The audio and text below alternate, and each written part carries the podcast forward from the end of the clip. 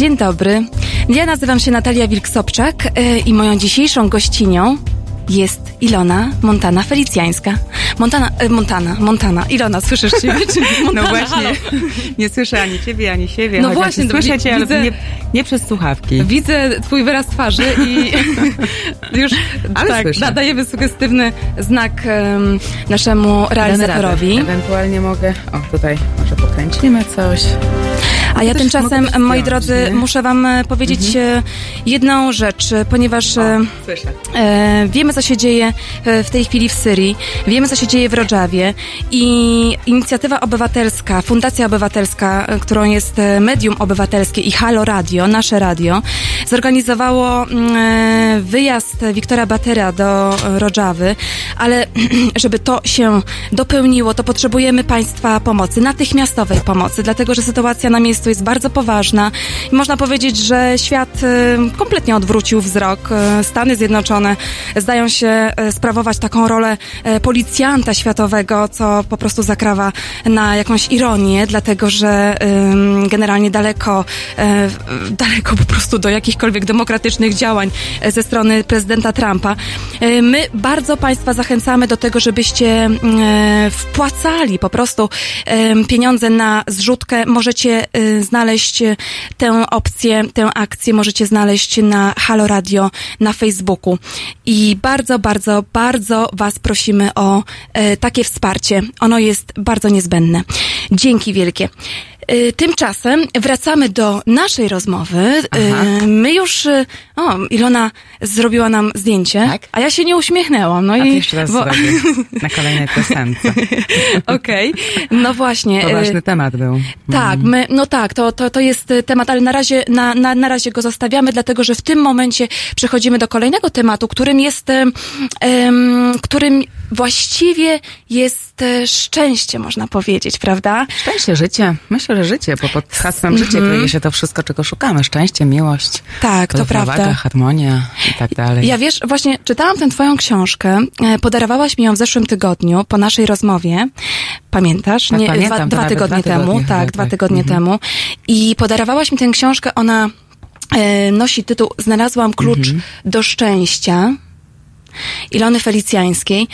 I muszę ci powiedzieć, że ja dawno nie czytałam e, książek rozwojowych, bo to jest, e, wydaje No mi się, że jakiś to jest sposób, książka, tak. prawda, z, jakby z takiej dziedziny książek Z całą- Z rozwojowych. całą pewnością jest to książka o moim rozwoju, czyli Tak. można ją nazwać książką rozwojową. Tak. Mhm, Bo jeżeli ktoś znajdzie podpowiedź, co ze swoim życiem robić, znaczy po to ona powstała. Ja chciałam pokazać, bo dostaję wiele pytań od kobiet, od ludzi, e, co z tym życiem zrobić i jak poradziłam sobie, jak mogę być szczęśliwa, jeżeli jestem uzależniona, jeżeli w pewnym momencie życia rozjechała mnie prawie cała Polska, prawie oczywiście. No właśnie, o tym właśnie media. będziemy o tym hejcie też mówić, bo A ja na przekór Tak. wszystkim e, jestem szczęśliwa i coraz bardziej szczęśliwa i każdego dnia szczęśliwsza.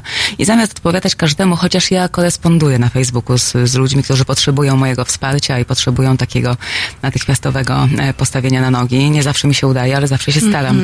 E, także zapraszam do, do, do kontaktu ze mną na Facebooku, ale pomyślałam sobie, że jeżeli opiszę te moje kilka lat rozwoju w książce, to będzie łatwiej, będzie można tam sięgnąć, e, a jednocześnie mm, w pisaniu jest coś takiego magicznego, że sama sobie wiele przypominałam, sama sobie wiele utrwaliłam i sama jeszcze więcej doszukiwałam, e, aby wiedzieć więcej, aby Tak. jak najlepiej to wszystko zebrać. układasz sobie, prawda, y, Mhm. myśli poprzez pisanie. Um, I i mnie zaskoczyła ta książka też dlatego, że e, dlatego, że ona ma taką strukturę, twoje przemyślenia, twoje tipy, można tak powiedzieć, prawda? Twoje mm, wnioski z twoich życiowych doświadczeń są poprzeplatane e, bajkami filozoficznymi i są także poprzeplatane wypowiedziami różnych ekspertów, prawda? Mamy tutaj na przykład e, ym, e, ekspertów z dziedziny bioenergoterapii, tak, albo psychologii prenatalnej, czy totalnej biologii. E, Więc to są takie bardzo mocne e, Mhm. Wiesz no niestety- bardzo niestety- mocne obszary.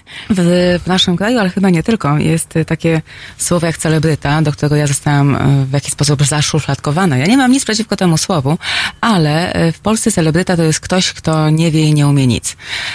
I gdybym ja napisała tę książkę nie, nie podpierając się specjalistami, to mm, niestety dużo osób rzuciłoby ją pewnie do kosza albo zaśmiewałoby. Jeżeli moje słowa, moje doświadczenia, moje wszelkie warsztaty, szkolenia, terapie, studium psychologiczne, jeżeli zostało poparte odpowiedziami specjalistów w danych dziedzinach, to jest to bardziej wiarygodne. Mam nadzieję, że jakaś jedna z kolejnych książek nie będzie potrzebowała poparcia specjalistów.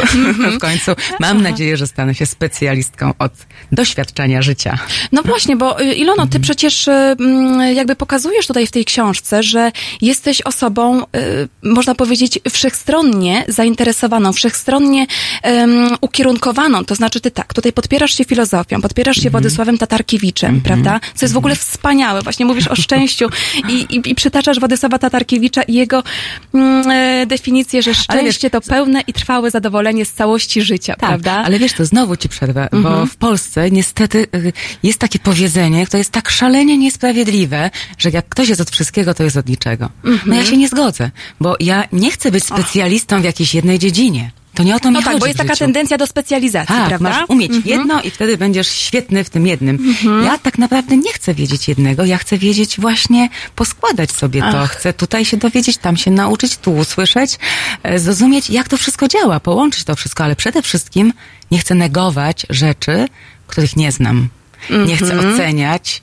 Nie oceniać to właściwie nic nie chcę, ale nie chcę wyrażać swojego zdania na temat czegoś, czego nie znam, nie dotknęłam, nie doświadczyłam. Aha, to jest takie popularne, takie jest powszechne, prawda? Żeby powiedzieć coś na przykład o książce, nie przeczytawszy jej, Tak, albo powiedzieć o tak. kimś nie poznawszy tej Tak, osoby. To tak, jest, tak. e, no oczywiście jakaś taka tendencja e, ludzka.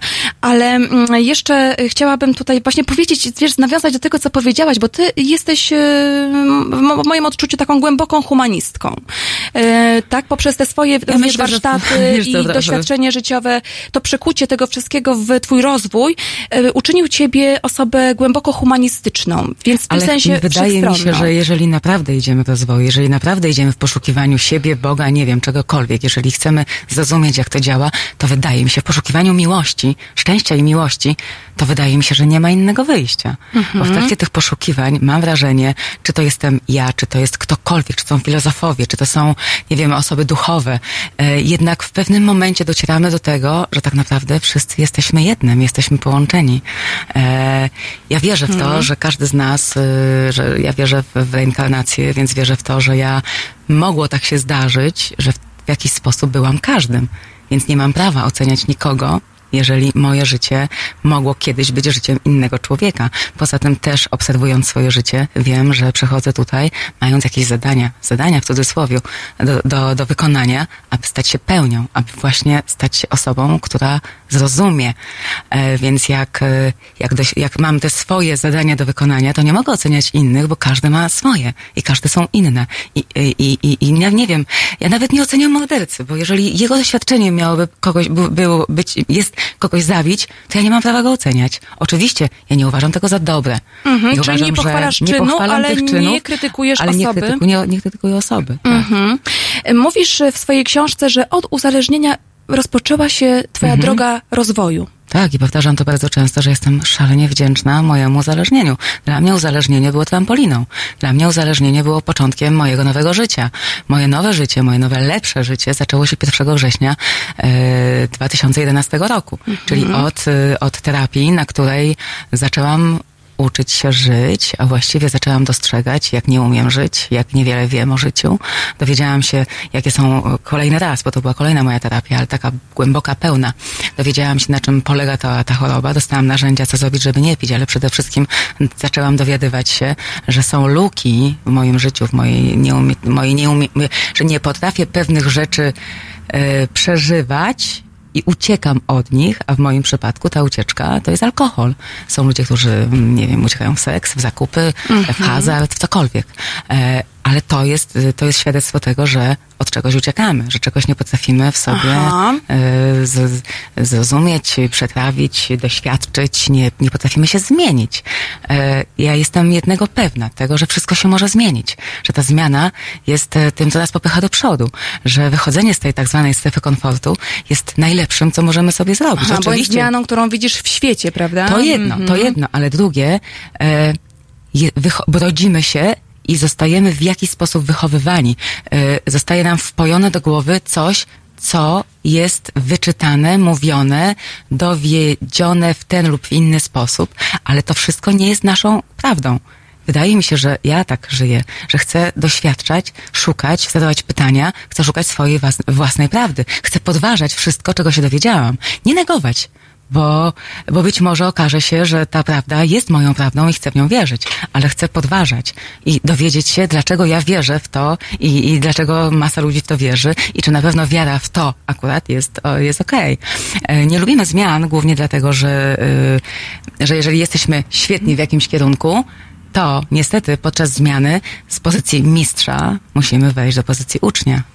Czyli No. znowu musimy poddać się i powiedzieć, oj, nie wiem, muszę się nauczyć, a to nie jest takie proste, ale Mhm, czyli warto. wejść w proces uczenia się Tak. po prostu. Mhm.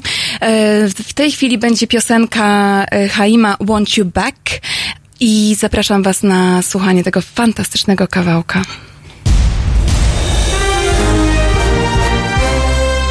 Jutro.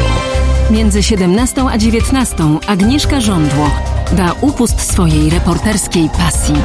17-19. www.halo.radio. Słuchaj na żywo, a potem z podcastów.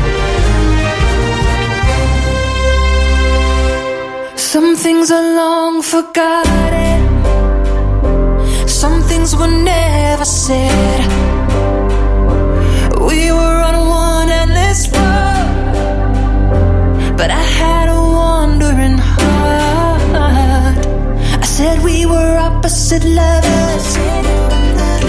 You kept trying to prove me wrong. And I know that I ran you down.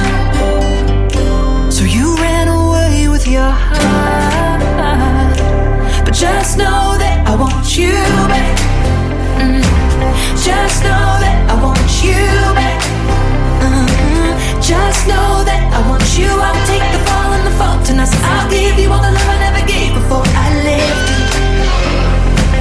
Just know that I want you back. Just know that I want you back. Just know that I want you. I'll take the fall and the fault, and I'll give you all the love I never gave before I left you. I know it's hard to hear it, and it may never be enough.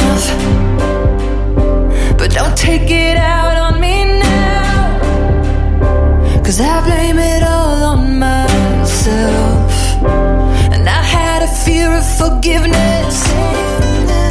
I was too proud to say I was wrong. But all that time is gone. No more fear and control. I'm ready for them both of us now. So just know that I want you back. Just know that I want you back. Uh-huh. Just know that I want you.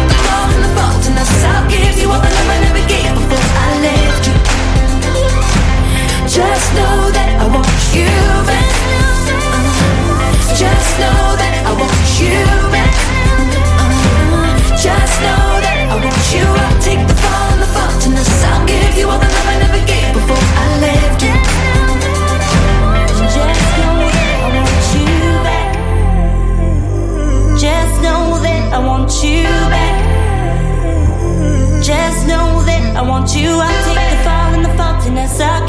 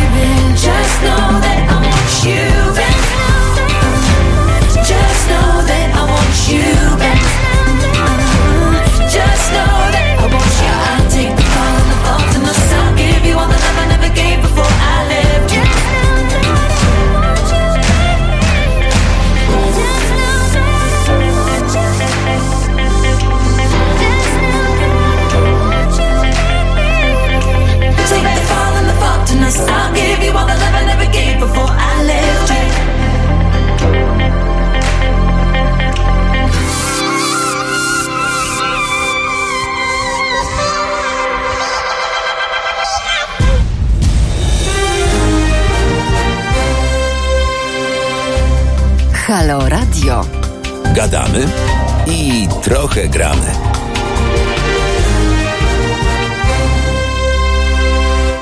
No halo, halo, halo radio. Słuchajcie, rozmawiamy w tej chwili z Iloną Felicjańską, Iloną Montaną, dawniej Felicjańską. Ja bym chciała, drodzy Państwo, żebyście się włączyli w naszą rozmowę, dlatego że to są rzeczy fajne, ważne i dotykające na pewno kogoś z Was. E, dzwońcie na numer telefonu 22 39 059 22.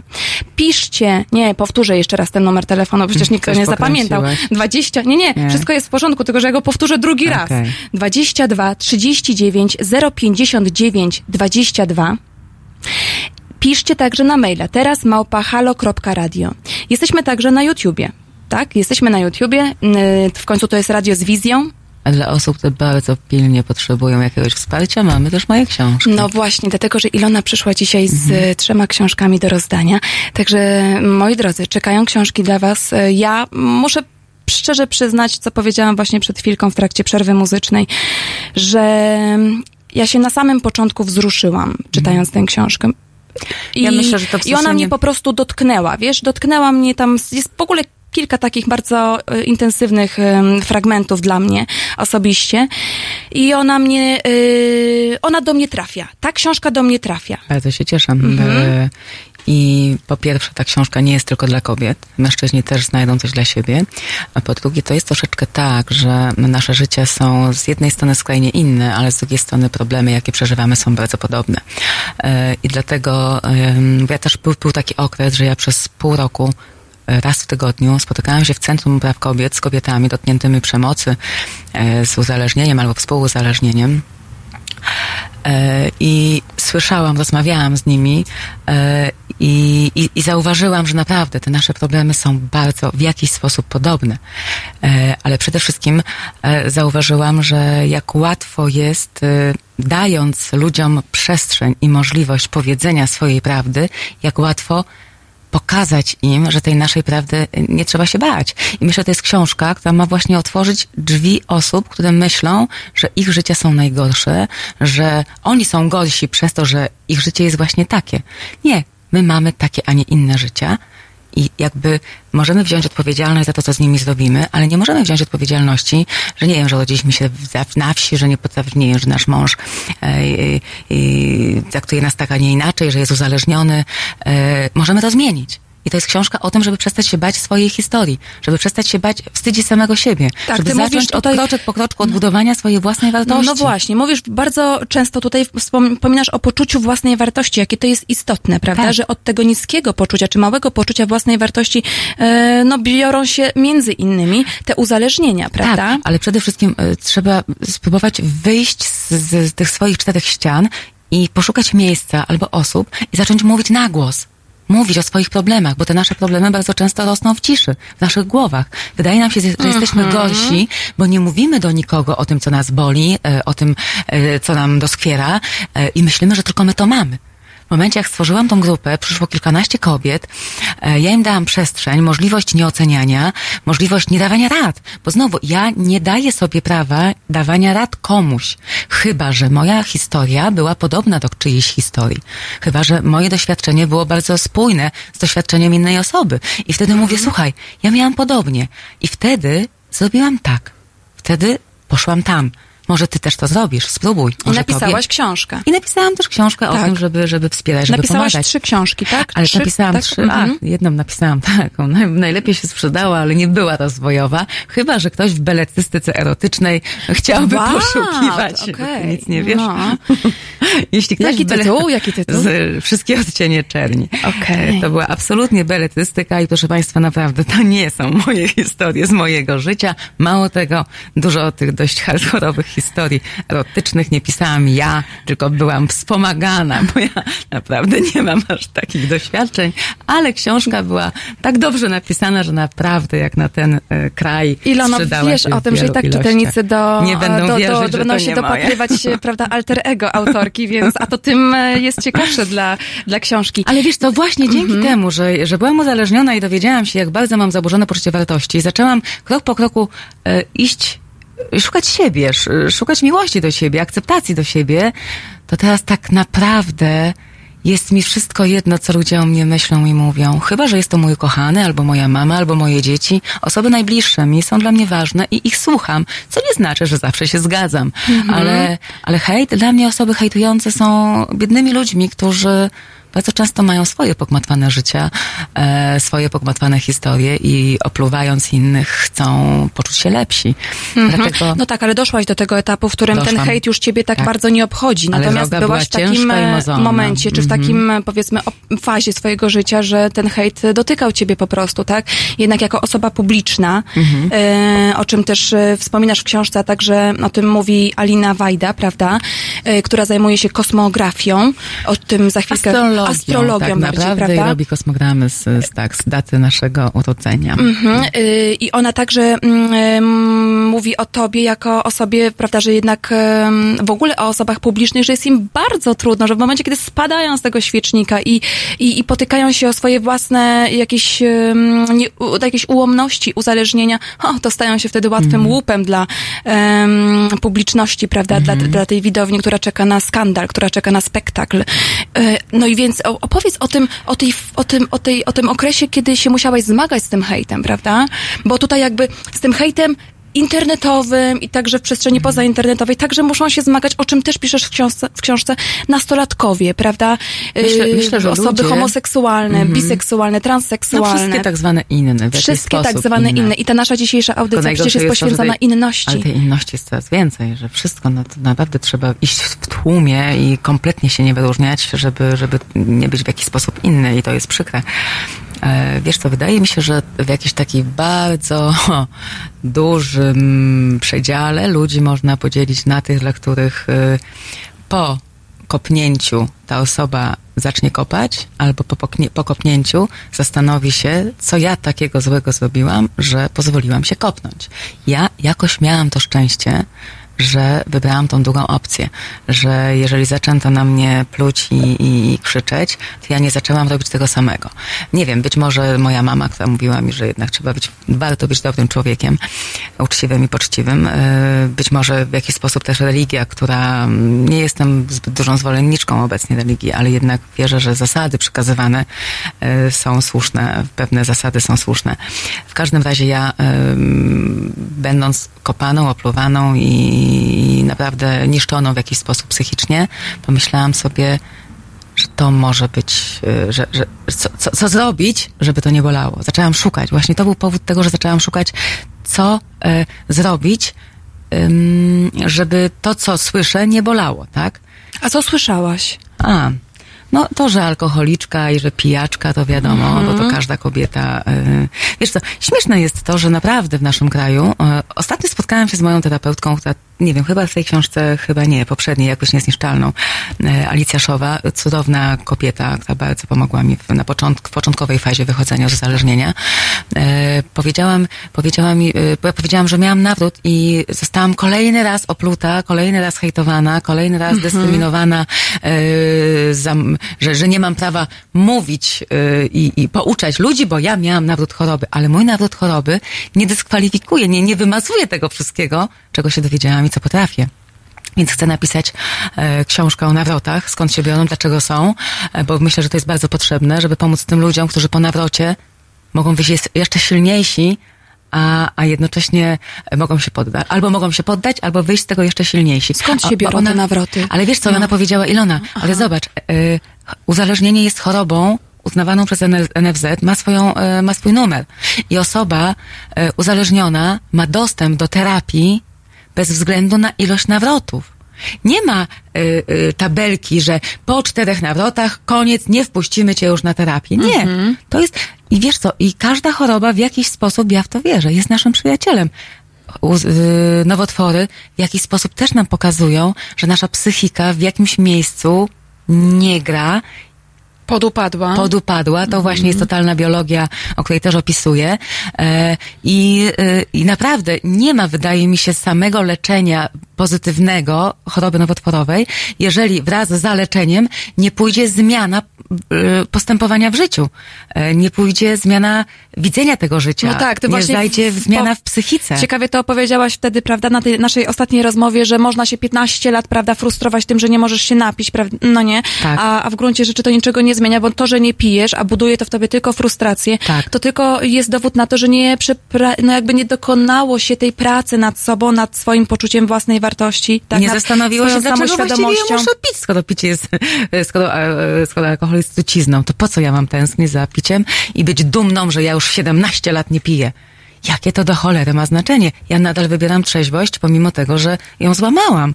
E, A to, że złamałam, pokazało mi właśnie, że jest jakaś luka, że jeszcze czegoś nie potrafię.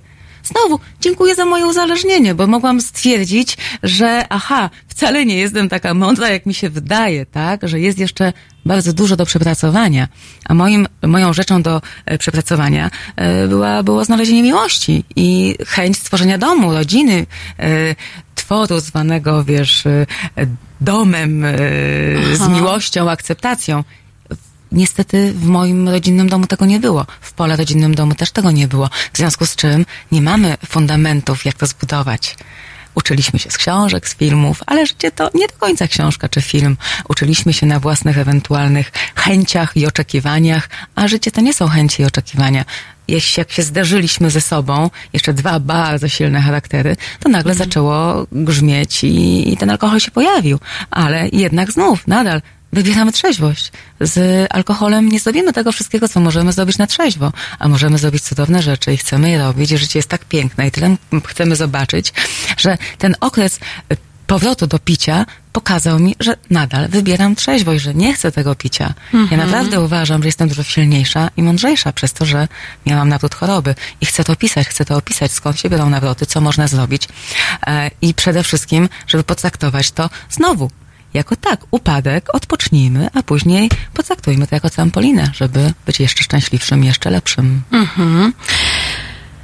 Y, Czy my jesteśmy gotowi na te mm, upadki, prawda, jako, jako społeczeństwo w ogóle, bo mm, jak wiemy, społeczeństwo mm, Jeżeli przestaniemy patrzeć na nie całe społeczeństwo, upadków i porażek, y, tylko cały czas liczy na to, że się komuś... A nie, może i nie, bo jest różnie, prawda? I liczą na te porażki te potknięcia. W sumie na nie czekamy, tak? Znaczy czekamy jako, mówię, jako masa, tak? Masa odbiorców jakiegoś spektaklu, tak? Czekamy na to, aż się ktoś w końcu, kurde, przewróci i wtedy możemy się zaśmiać i powiedzieć, no właśnie, się możemy wtedy poczuć lepsi. Wszystko się sprowadza do tego poczucia własnej wartości.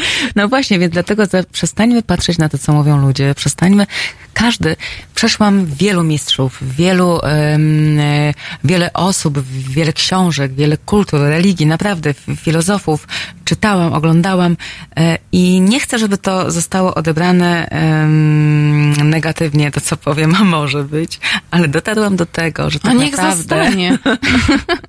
Nie, bo to, wiesz, bo chciałabym naprawdę, żeby każdy z nas w pewnym momencie życia zaczął szukać tego mistrza w sobie. Mm. W sobie. Że każdy z nas zna odpowiedzi na dużo pytań, może nie na wszystkie. Te teorie są potrzebne, książki rozwojowe są potrzebne. Jest masa książek, które warto przeczytać i ja z chęcią podpowiem, od jakich zacząć, co może nam pomóc. Ale tak naprawdę jedno to jest teoria, a drugie to jest praktyka. I mierząc się z praktyką dnia każdego, codziennego, naprawdę ważne jest, aby zaufać, że będziemy znać nasz kolejny krok. Tylko znowu przestańmy słuchać matek, ciotek, babć, przestańmy słuchać wszystkich, którzy mają radę na nasze życie. Jeżeli ktoś nam coś powie, to odbierzmy to jako jego doświadczenie i to, co on robi w życiu, a nie to, co my powinniśmy. A my się głęboko zastanówmy i idźmy do przodu. Jeżeli chcemy posłuchać mamy, taty, dziadka, oczywiście możemy to zrobić. Tylko jeżeli nam nie wyjdzie, to nie miejmy do nich pretensji. Bo oni nam tylko coś powiedzieli, a to my podjęliśmy decyzję, że ich posłuchamy. Idziemy do przodu. Wobec tego naszym kolejnym kawałkiem jest Jamie Little Multiply.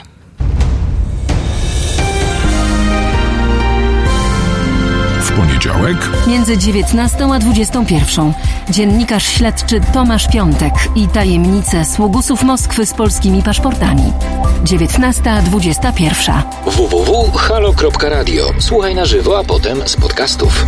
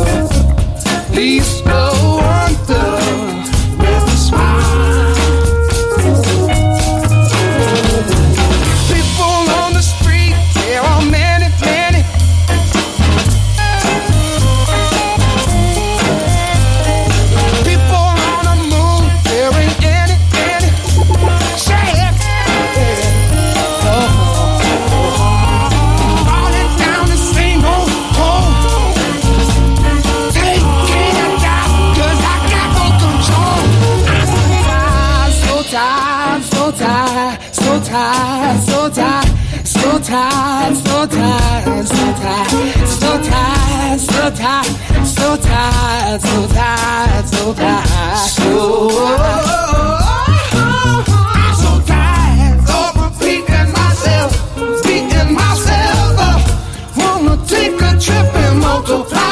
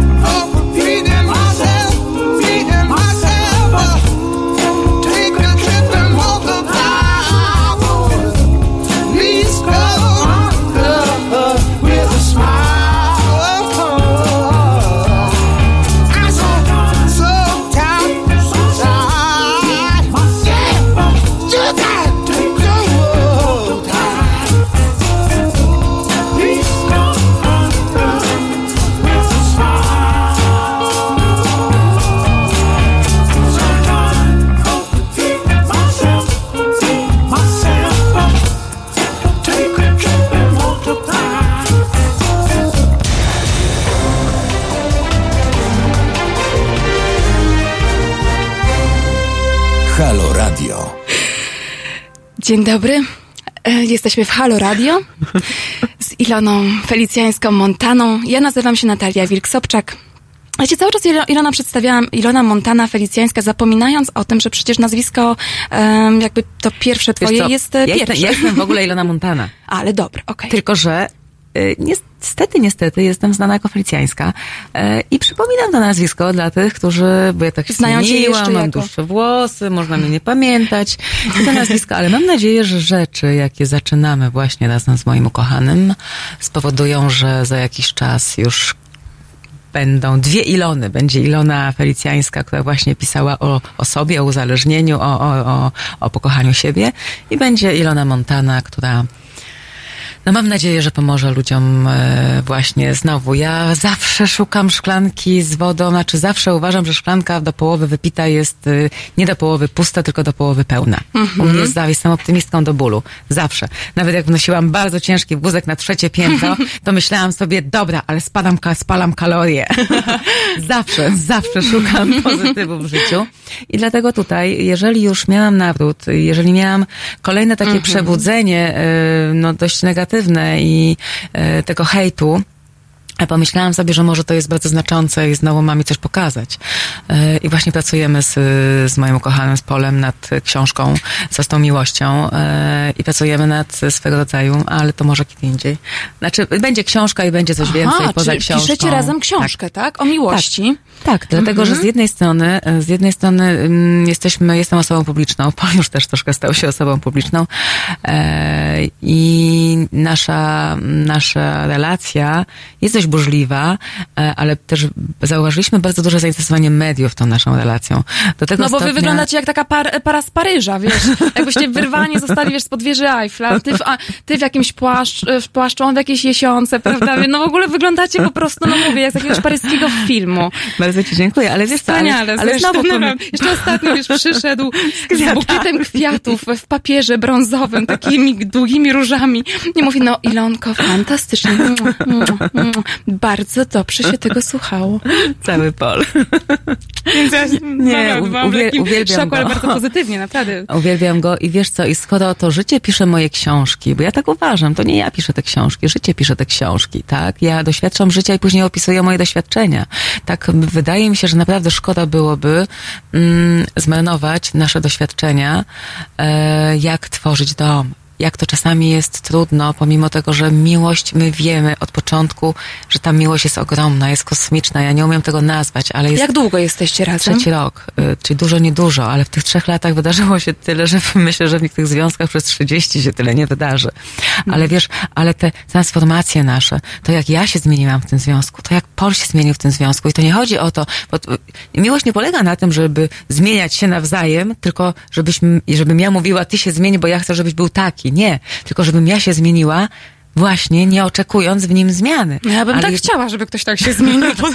ale wiesz co, no i, no i Pod moje no i Pol, się. Pol się zmienił, ale dlatego, że chciał się zmienić, Mhm. bo, bo chcemy razem łatwego życia, a, a nie ciągłej walki, przepychanki.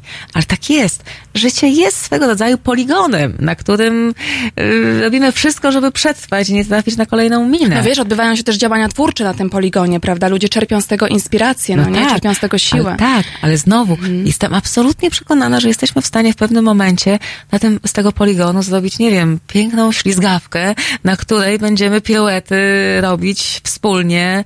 e, I będziemy tylko i wyłącznie szczęśliwi. Nie będziemy musieli się bać, że ta ślizgawka to jest zamarznięte jezioro i że wpadniemy kiedyś na dół. Nie, absolutnie chcę wierzyć. To jest, ta wiara trzyma mnie w każdym trudnym momencie, trzyma mnie wiara, że to życie wie, czego chce. Że to życie, że to życie nie robi rzeczy przeciwko nam, tylko dla nas. Rzeczy nie dzieją się nam, tak? Życie nie wali nas po głowie, tylko życie nas potrząsa. Jeszcze tego nie umiesz, zobacz, a jak zobaczysz to, to będzie ci łatwiej. Jak przetransformujesz to. Pewne rzeczy wierzę w to absolutnie, że wszystko jest energią. I pewne rzeczy, żeby przerobić, niepotrzebne są niesamowicie jak drogie warsztaty, bo teraz jest tym taka moda, zauważyłam, że im droższy warsztat, tym ludziom się wydaje, że jak tak dużo pieniędzy dadzą, to więcej się nauczą. A ja mam takie poczucie ostatnio, tylko no ja, ja, ja dużo przeszłam, ale większość warsztatów była albo darmowa, albo za niewielkie pieniądze, bo to nie o to chodzi. Jeśli chcesz dostać lekcję, to, to nie kwota, jaką zapłacisz za nią jest istotna. Ale ostatnio zauważyłam, że najwięcej moich transformacji to są takie jakby przebłyski objawienia, tak? Że ja nagle siadam, zastanawiając się, dlaczego cierpię i nagle mam, wow, aha, i mam wrażenie, jakby siu, ta energia wokół mnie się zmieniała, tak jakby cały świat się zmieniał. Mhm. A powiedz, czy potrzeba aż tak trudnych doświadczeń, żeby mm, dojść do Mam nadzieję, stanu że nie. samoświadomości i żeby próbować osiągnąć szczęście? Mam nadzieję, że nie. Każdy ma swoje doświadczenia, e, ale dla każdego są trudne, tak? Wierzę też w to, że przychodzimy tutaj z jakąś, jakąś walizką, tej skrzy, taką skrzynią Pandory, którą musimy otworzyć i musimy po kolei te wszystkie, z tymi wszystkimi cieniami się zma, zm, zm, zmagać. E, ale każdy ma tą walizkę inną. I teraz znowu, każdy dostaje taką, jaką jest w stanie udźwignąć, otworzyć i wchłonąć. E, więc nie wiem, ktoś, kto ma trudne życie, pozornie dla mnie, to dla niego jest mega trudne i ja nie mogę zaprzeczać, że jest inaczej. Każdy ma swoją wrażliwość, każdy y, odbiera świat na swój sposób. Każdy człowiek jest odrębnym wszechświatem. Każdy człowiek ma swój własny filtr. Każdy widzi troszkę inaczej kolory, każdy widzi troszkę. Jeżeli zapytasz, może zrób takie doświadczenie, żeby bardzo dokładnie, nie wiem, trzy zupełnie inne osoby napisały, jak ciebie widzą mm, jaką jesteś osobą.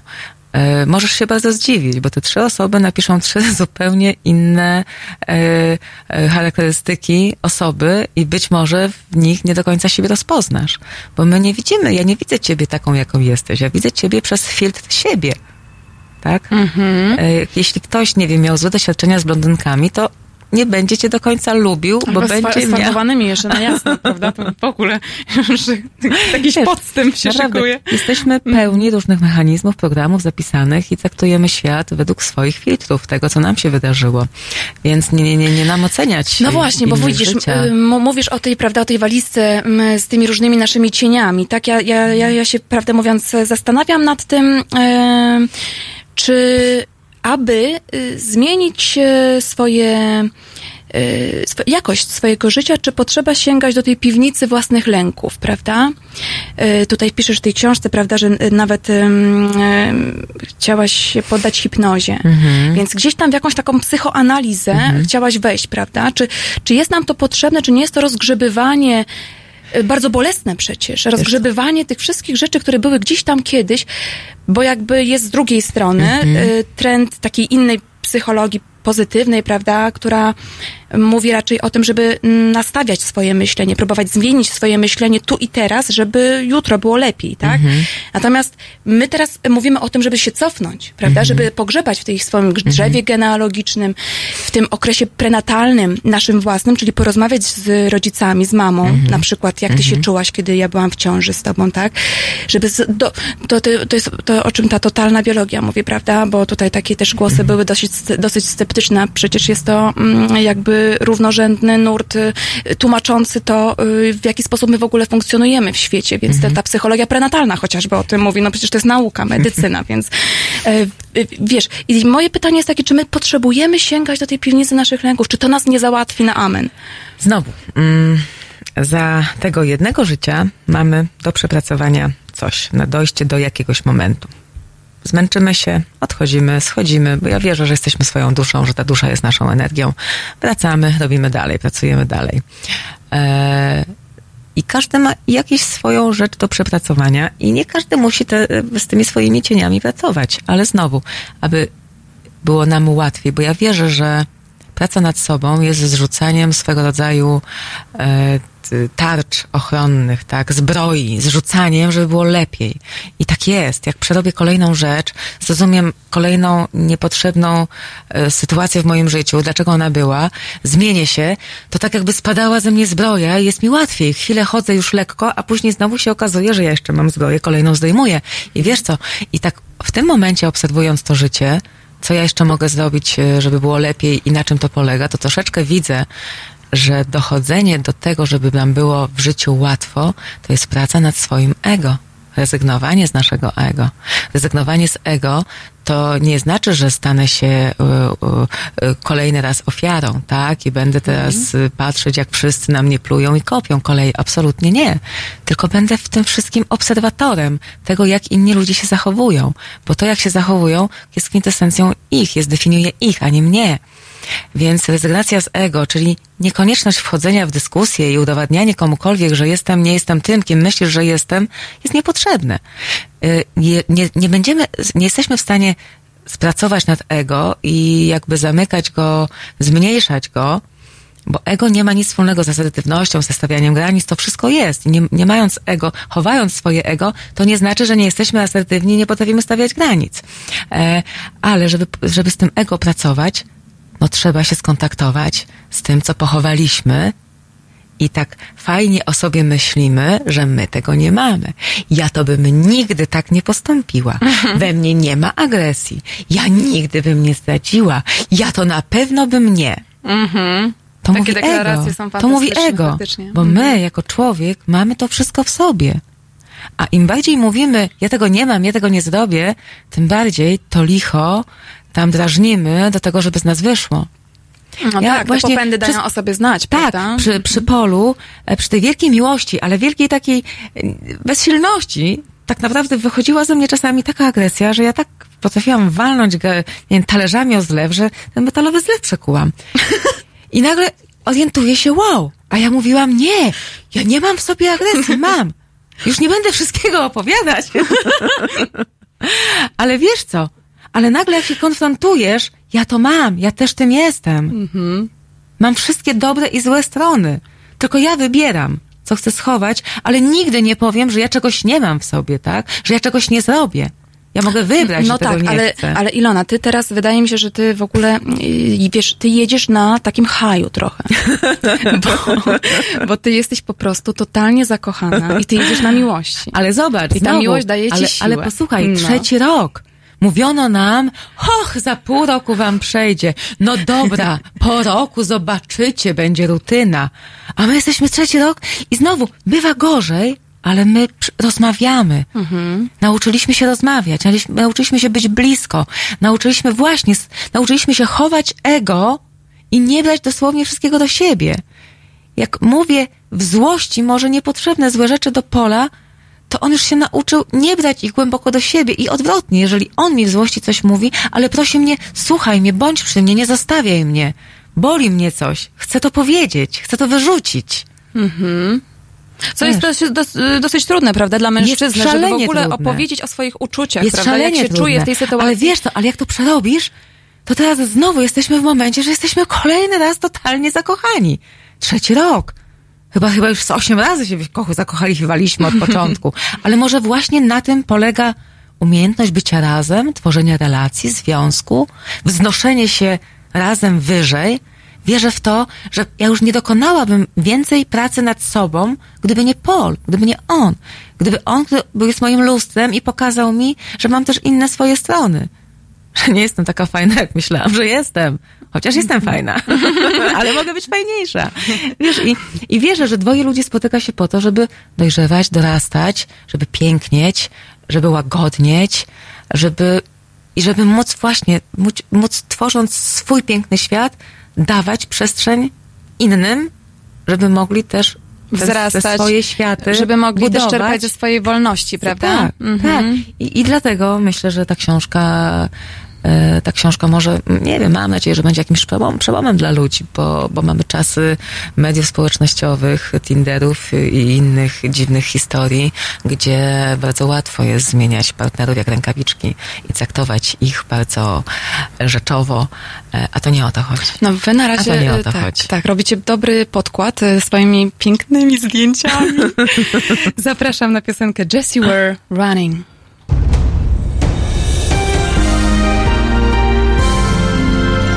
Jutro. Od 19 do 21 profesor Adam Grzegorczyk, jego goście i Obywatelska Polska. 19.21. www.halo.radio. Słuchaj na żywo, a potem z podcastów.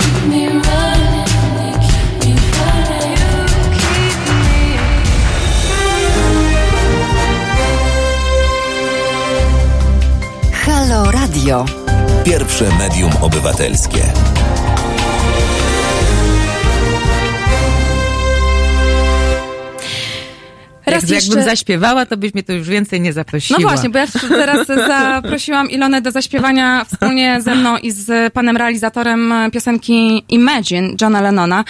No bo w końcu jesteśmy medium obywatelskim, jesteśmy Halo Radio i my tutaj promujemy takie wartości jak pokój, życzliwość, serdeczność, Akceptacja jak i tolerancja. akceptacja, To może tolerancja, zaśpiewam. Prawda? E, Nieposiadanie, No. nieposiadanie Wiesz, to rzeczy znowu, y, To wszystko, nie, to Ludzi. wszystko, to wszystko jest cienka granica pomiędzy tym nieoczekiwaniem, a jednak dążeniem do jakiegoś celu. Znowu, posiadaniem celu, ale też nie dążeniem bezpośrednio, tylko i wyłącznie bez uparcia się na ten cel. Przeczytałam kiedyś, jak nie masz celu, nie zabłądzisz. Wow! To było dla mnie objawienie, bo wszyscy mówią, musisz mieć cel. No tak, ale tak naprawdę celem jest każdy dzień, każda chwila. Ja w każdej chwili wiem, co chcę. Ja chcę być dobrym, uczciwym człowiekiem. Wiem, że rozwój, nie wiem, uzależnienie, yy, yy, doświadczenie życia jest moim celem. To kocham i uwielbiam. Ale nie mam do końca wpływu na to, czy mnie zaprosisz raz czy pięć razy. Może mam, ale jak cię będę błagała na kolanach, to pomyślisz, że jestem walnięta i tym bardziej mnie nie zaprosisz. Więc tak naprawdę celem w życiu nie powinno być, że ja sobie wymyśliłam to i tamto, albo taki samochód, albo takie mieszkanie, tylko rozwój, bycie szczęśliwym, bycie zadowolonym, doświadczenie tego życia i bycie pełnią tego życia. E, I znowu, tak, byłam, miałam taki moment, że pieniądze nie są mi do życia potrzebne. No kurczę, a kto zapłaci moje rachunki? A, a, a jak pojadę na wakacje, żeby Mhm. Albo oglądać za wizytę do lekarza świat? w- Albo przy chociażby- dzisiejszej służbie zdrowia, tak, prawda? Tak. Mhm. Więc bzdurą jest mówienie, że ja nic nie potrzebuję. Potrzebuję. Oczywiście to mi nie załatwi szczęścia, nie kupi się szczęścia, nie kupi się zdrowia, nie kupi się miłości, tak? Ale to wszystko trzeba, jak wszystko odnajdziemy w sobie, zrozumiemy, że w sobie mamy całe zaufanie, całą miłość, cały wszechświat, to wtedy nagle się okazuje, że wow, jak fajnie mieć pieniądze. No i w ogóle korzystać. fajnie, gdyby o tym tak naprawdę, gdyby na tym była skoncentrowana e, edukacja i przekaz kulturowy, prawda? Bo jakby w transmisji kulturowej, transmisji społecznej, no nie ma e, tego przekazu, jakim jest to, żeby się koncentrować na wartościach niematerialnych, a w ogóle na duchowości na przykład. Dlatego Y, jestem to już- dumna z mojego młodszego syna. Ze starszego jestem bardzo dumna, Maciek, przepraszam, może to źle zabrzmiało, ale poszedł na filozofię za naszą namową. O, Bo świetnie. filozofia, tak, w liceum, jest już w liceum e, w Warszawie, Królowej Jadwigi, które ma kierunek filozofia. Uważam, że to jest przyszłość. Naucz się myśleć. Jak nauczysz się myśleć, to będziesz wiedział, jak zarobić pieniądze, tak? A nie w drugą stronę. Jak zarobisz pieniądze, to wcale nie zapewnia ci szczęśliwego życia. Rozmawiałyśmy przed chwilką, prawda, Ilona, o takich... e, Roślinach mocy. O roślinach mocy. Tak. Co to są rośliny mocy? Bo chciałybyśmy zrobić zajawkę na... e, Na kolejne spotkanie. Tak, na nasze kolejne spotkanie. Z roślinami mocy, czyli z magicznymi roślinami, roślinami, mm, które pomagają nam funkcjonować i żyć, roślinami, które, których używają różne plemiona, czy Indianie, czy, czy w Afryce, e, czy w innych rejonach świata. To są, to są różne rośliny. Mm, Czasami są to korzenie, czasami są to pnącza, czasami są, jest to połączenie kilku roślin, e, które mają w sobie magiczną moc. Moc e, pomagania nam zrozumienia, na czym to wszystko polega. E, A ja wierzę, wierzę w to, że Indianie naprawdę byli szczęśliwi, dopóki biały człowiek się nie pojawił i, i naprawdę można zrozumieć głębiej, łatwiej, na czym polega życie. Można poczuć, że to wszystko ma sens i cel, że jesteśmy tu bezpieczni. I może Porozmawiamy o tym, dobrze? Tak, gdybyś ci, gdyby Państwo chcieli, to mogę kiedyś przyjść pogadać o Ja moich jestem doświadczeniach. bardzo chętna. E, Szczególnie, że wydaje mi się, że to jest e, zdecydowanie lepsza alternatywa mm, dla alkoholu, prawda? Żeby jednak e, po prostu Wiesz, oczywiście, że można, można, można też daje uciec. co innego, co innego daje na przykład zapalenie skręta z marihuany, tak? Dokładnie, dokładnie. Ale Oczywiście. weźmy pod uwagę i to też o tym piszesz i to bardzo dobrze, że bardzo dobrze, że to też jest w książce, o tym mówią statystyki, że e, wszystkie te akcje przemocowe, one są podszyte alkoholem, tak? Tak. Albo większość akcji Tak, przemocowych w tak. domach podszytych jest alkoholem, tak? Nagle żona na męża rzuca się z nożem, albo on na nią rzuca się z nożem, tak? Ostatnio Nie, mieliśmy naprawdę- kilka takich przypadków, prawda, w przestrzeni medialnej e, zakomunikowanych, prawda, o tych, o tych właśnie akcjach e, przemocowych z alkoholem w tle. Więc e, Tak, Czy alkohol- słyszymy o czymś takim po e, tak, tak, wyjmuje po na- roślinach na wyjmuje przykład. z nami naj, no nie, naj, naj, no nie, nie, nie słyszymy, nie słyszymy tego, nie ma tego. e, także z wielką przyjemnością przyjdę Bardzo się poopowiadać. cieszę, Ilonko. A teraz e, zaśpiewamy piosenkę e, Johna Lennona Imagine.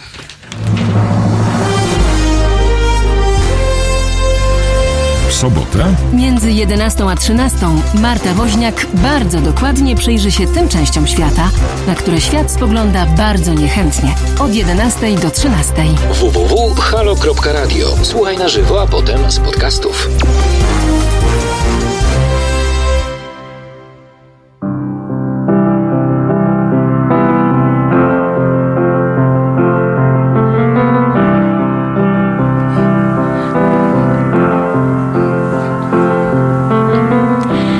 Imagine there's no heaven. It's easy if you try. To nie wyjdzie. No wszyscy razem, dawajcie. I wy tam po drugiej stronie też. Znaczy po tej samej w sumie. Może zaczekam do jakiegoś refrenu, albo to a, a. Above us only sky. Imagine all the people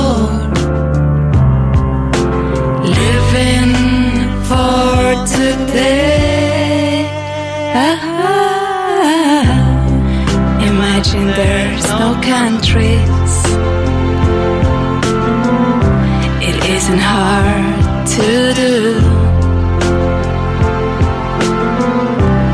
Nothing to kill or die for.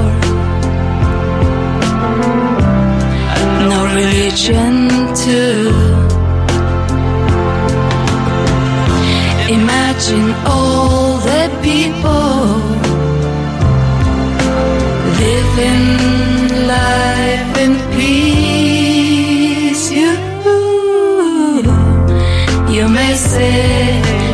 dreamer. but I'm not the only one. I hope someday you'll join us, and the world will be as one. Imagine no possessions. O, to właśnie to, o czym rozmawialiśmy, prawda? I wonder if you can. Świetnie śpiewasz. Dzięki.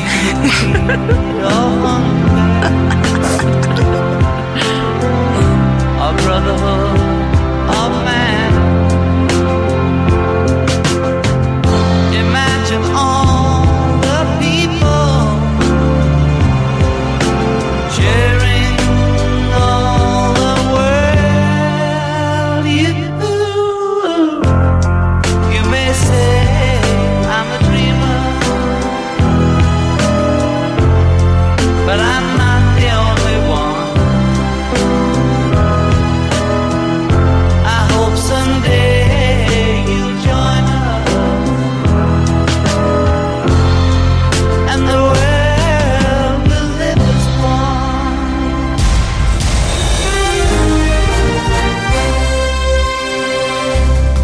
Halo Radio. Gadamy i trochę gramy.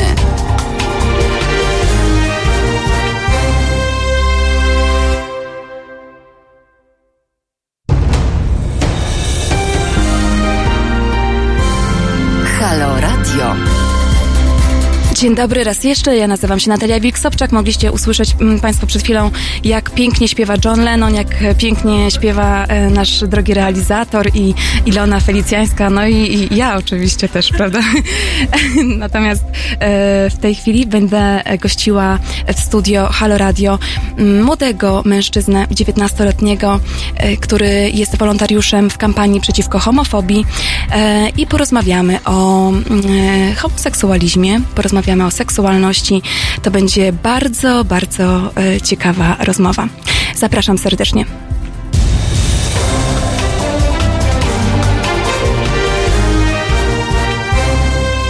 Halo Radio.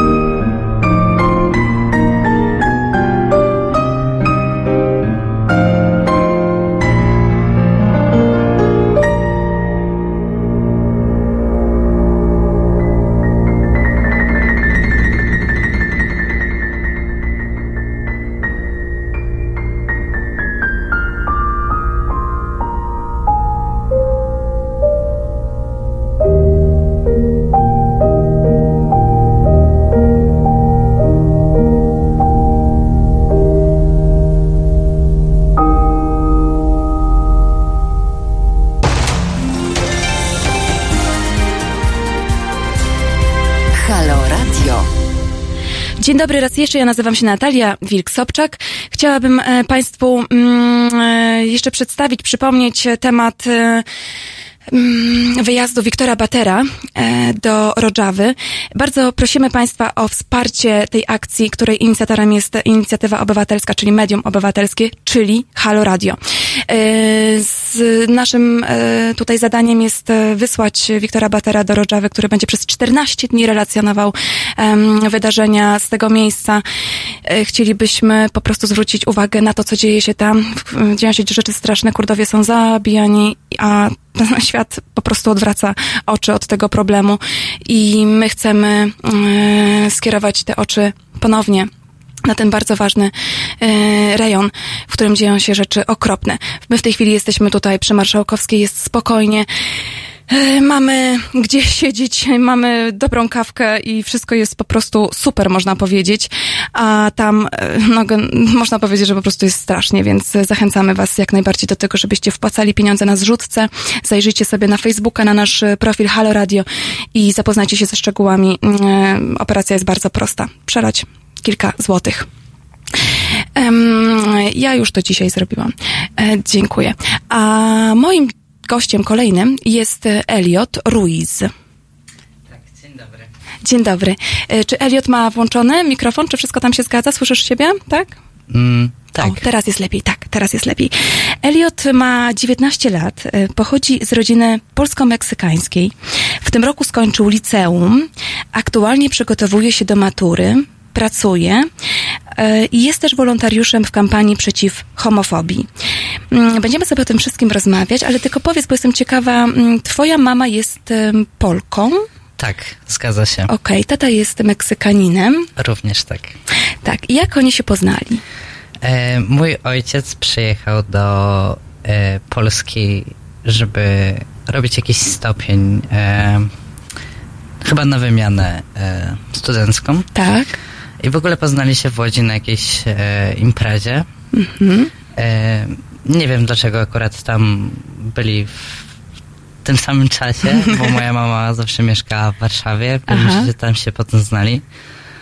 No i tak jakoś... E, Czyli Później- twoja mama jakimś e, dziwnym zbiegiem okoliczności pojawiła się w Łodzi, tak? Tak, Mhm. I na tej imprezie się poznali i zaczęli po prostu ze sobą kręcić, Dokładnie być, tak? Chodzić. Super. A pracujesz? Gdzie pracujesz? w Ikea. Tak? Tak, Gdzie? W którym miejscu? w Jankach. Naprawdę? Ja do Janek jeżdżę czasami. Zapraszam do mnie. Nawet ostatnio byłam. A mm, gdzie można cię znaleźć? E, w dziale kas na przykład. W dziale Tak. czego? Kas. A, w dziale kas. Czyli w Okej. ostatnim miejscu, jak już się wychodzi z sklepu, można mnie spotkać. Okej, no to fajnie, dobrze. To w takim razie Eliota możemy spotkać w dziale kas w Jankach w Ikei. Jeżeli ktoś e, ma ochotę porozmawiać z Eliotem osobiście, to proszę, niech mu przeszkodzi w pracy. Natomiast jeżeli ktoś chciałby teraz po prostu zadzwonić do nas, to zapraszamy. Numer telefonu do radia Halo Radio to 22 39 059 22. Jeszcze raz. 22 39 059 22. Piszcie także na naszego maila teraz małpa halo.radio. Teraz małpa halo.radio. Możecie także komentować nasz, e, naszą rozmowę na YouTubie e, Halo Radio. Zbierają się tam różne komentarze. Niedługo będę je wyczytywać. E, nasza audycja poświęcona jest inności, różnie rozumianej. Ty, Eliot, jesteś młodym e, mężczyzną, e, 19-letnim dopiero, e, homoseksualnym mężczyzną. Jesteś pół Meksykaninem, pół Polakiem, prawda? Tak. Tak możemy powiedzieć oczywiście o tobie. Można więc powiedzieć, że na polskim gruncie w dwóch obszarach prezentujesz inność. Tak, zdecydowanie. I to też e, oczywiście się łączy, tak, bo e, są jakieś tam problemy, które wynikają z tego, że e, spotykam się z dyskryminacją ze strony tego, że jestem gejem i z, e, z tego, że nie wiem, mam ciemniejszą skórę, że e, mimo, że urodziłem się w Polsce i czuję się związany z Polską i rzeczywiście z Meksykiem, to w jakiś sposób się odróżniam od większości Polaków. No i też w takich sytuacjach, gdzie te dwie rzeczy się przecinają, tak? E, czyli na przykład e, w społeczności gejowskiej też zdarzają się osoby jakieś tam rasistowskie, prawda? Mhm. Aha, okej. W społeczności gejowskiej także są osoby, które są uprzedzone, tak, pod względem No, tak jak w rasowym. każdej innej. Tak jak w każdej społeczności. Zdarzają się po prostu osoby nietolerancyjne. Mhm. E, muszę ci przyznać, że ja czuję się nieco zmieszana. E, e, tym, że będę wypytywać cię o, wiesz, jakieś intymne szczegóły twojej seksualności, bo w gruncie rzeczy to mi nic do tego.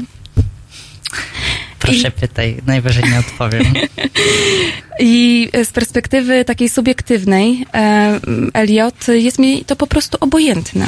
W tym sensie, że to jest twoja sprawa i em, prawdę mówiąc, chciałabym, żeby to moje podejście w tym momencie mogło być takim em, wyrazem e, stosunku większości albo w ogóle wszystkich Polaków, e, czyli uszanowania czyjegoś e, prywatnego życia i tego, w jaki sposób dana osoba się określa tożsamościowo. Natomiast e, jakby biorąc pod uwagę realia, to co mamy w Polsce, wydaje mi się, że oboje czujemy, że to jest ważne, że o tym tutaj rozmawiamy, że się spotkaliśmy, że możemy porozmawiać o tej seksualności, o homoseksualności, o środowisku LGBT, o edukacji seksualnej, prawda, o homofobii w Polsce. I e, dlatego cieszę się, że zdecydowałeś się przyjść właśnie tutaj do Halo Radio i porozmawiać ze mną. Również się cieszę. Super. I y, przywitałeś mnie z takim pięknym uśmiechem. I w gruncie rzeczy to jest to, co mnie obchodzi. Wiesz, to jest to, co mnie na poziomie takim subiektywnym, indywidualnym, to mnie obchodzi, że ty się uśmiechasz, że jesteś uśmiechniętym, radosnym człowiekiem, młodym człowiekiem wchodzącym w dorosłość.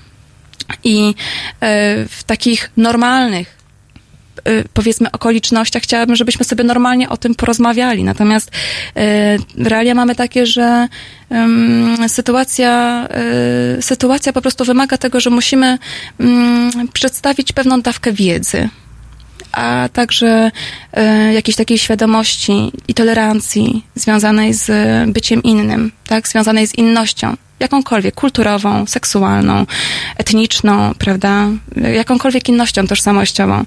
E, więc dlatego my po prostu tutaj e, jesteśmy i cieszę się, że e, możemy porozmawiać. Powiedz mi, e, kiedy, mm, więc e, wchodzę z tymi seriami, proszę. kiedy uświadomiłeś sobie, że jesteś e, gejem? Mniej więcej w gimnazjum, Mhm. aczkolwiek e, tak starałem się nie dopuszczać do e, tej wiadomości do siebie, tak do jakby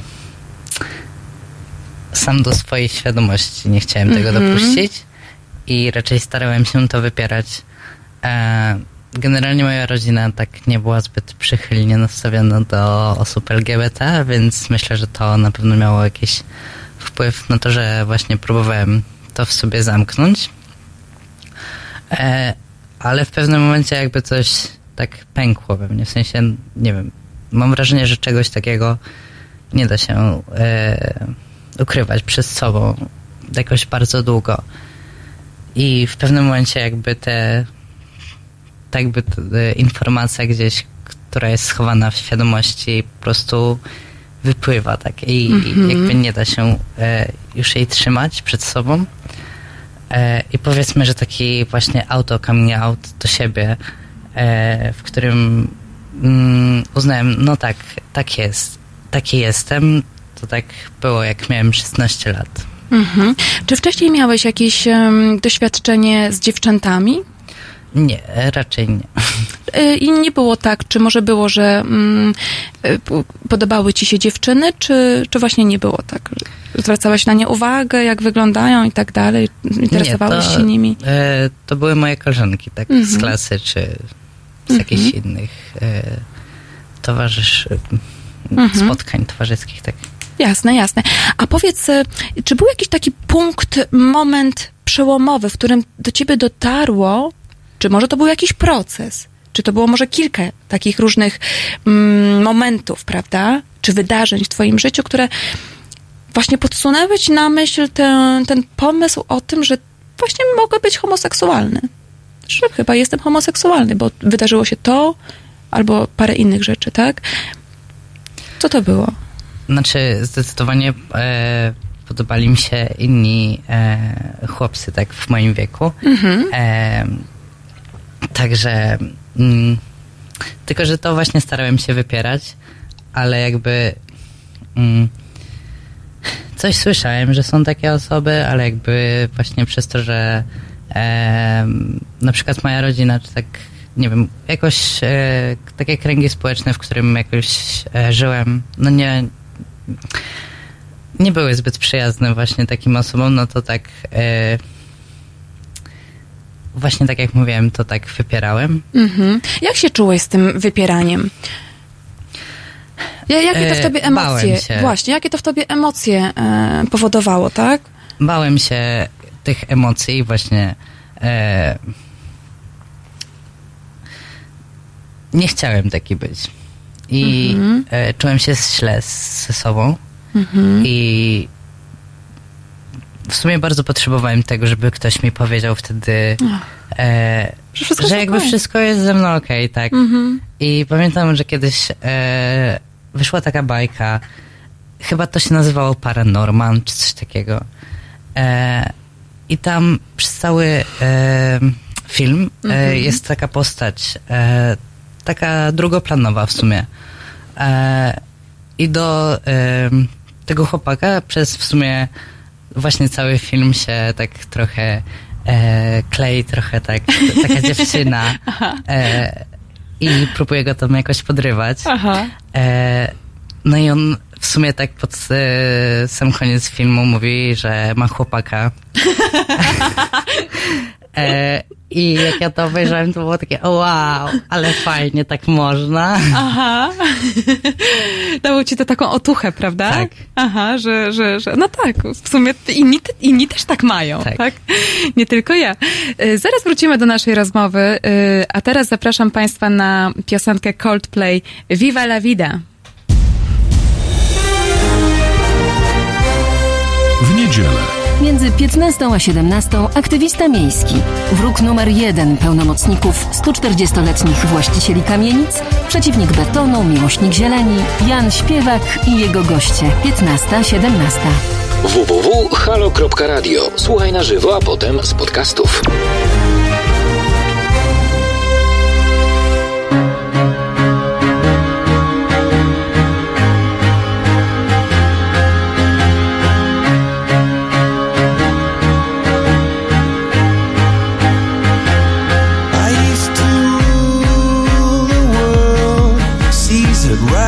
I gave the word. Now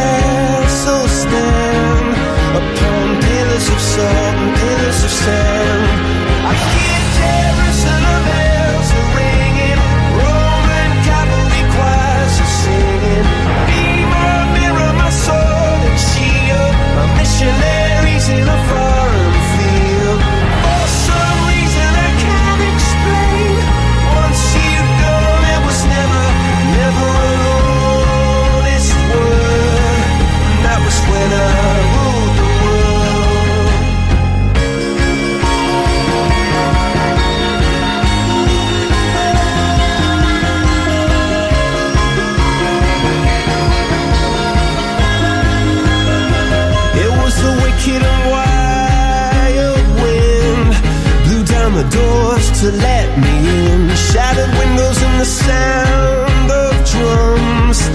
People couldn't believe what I'd become. And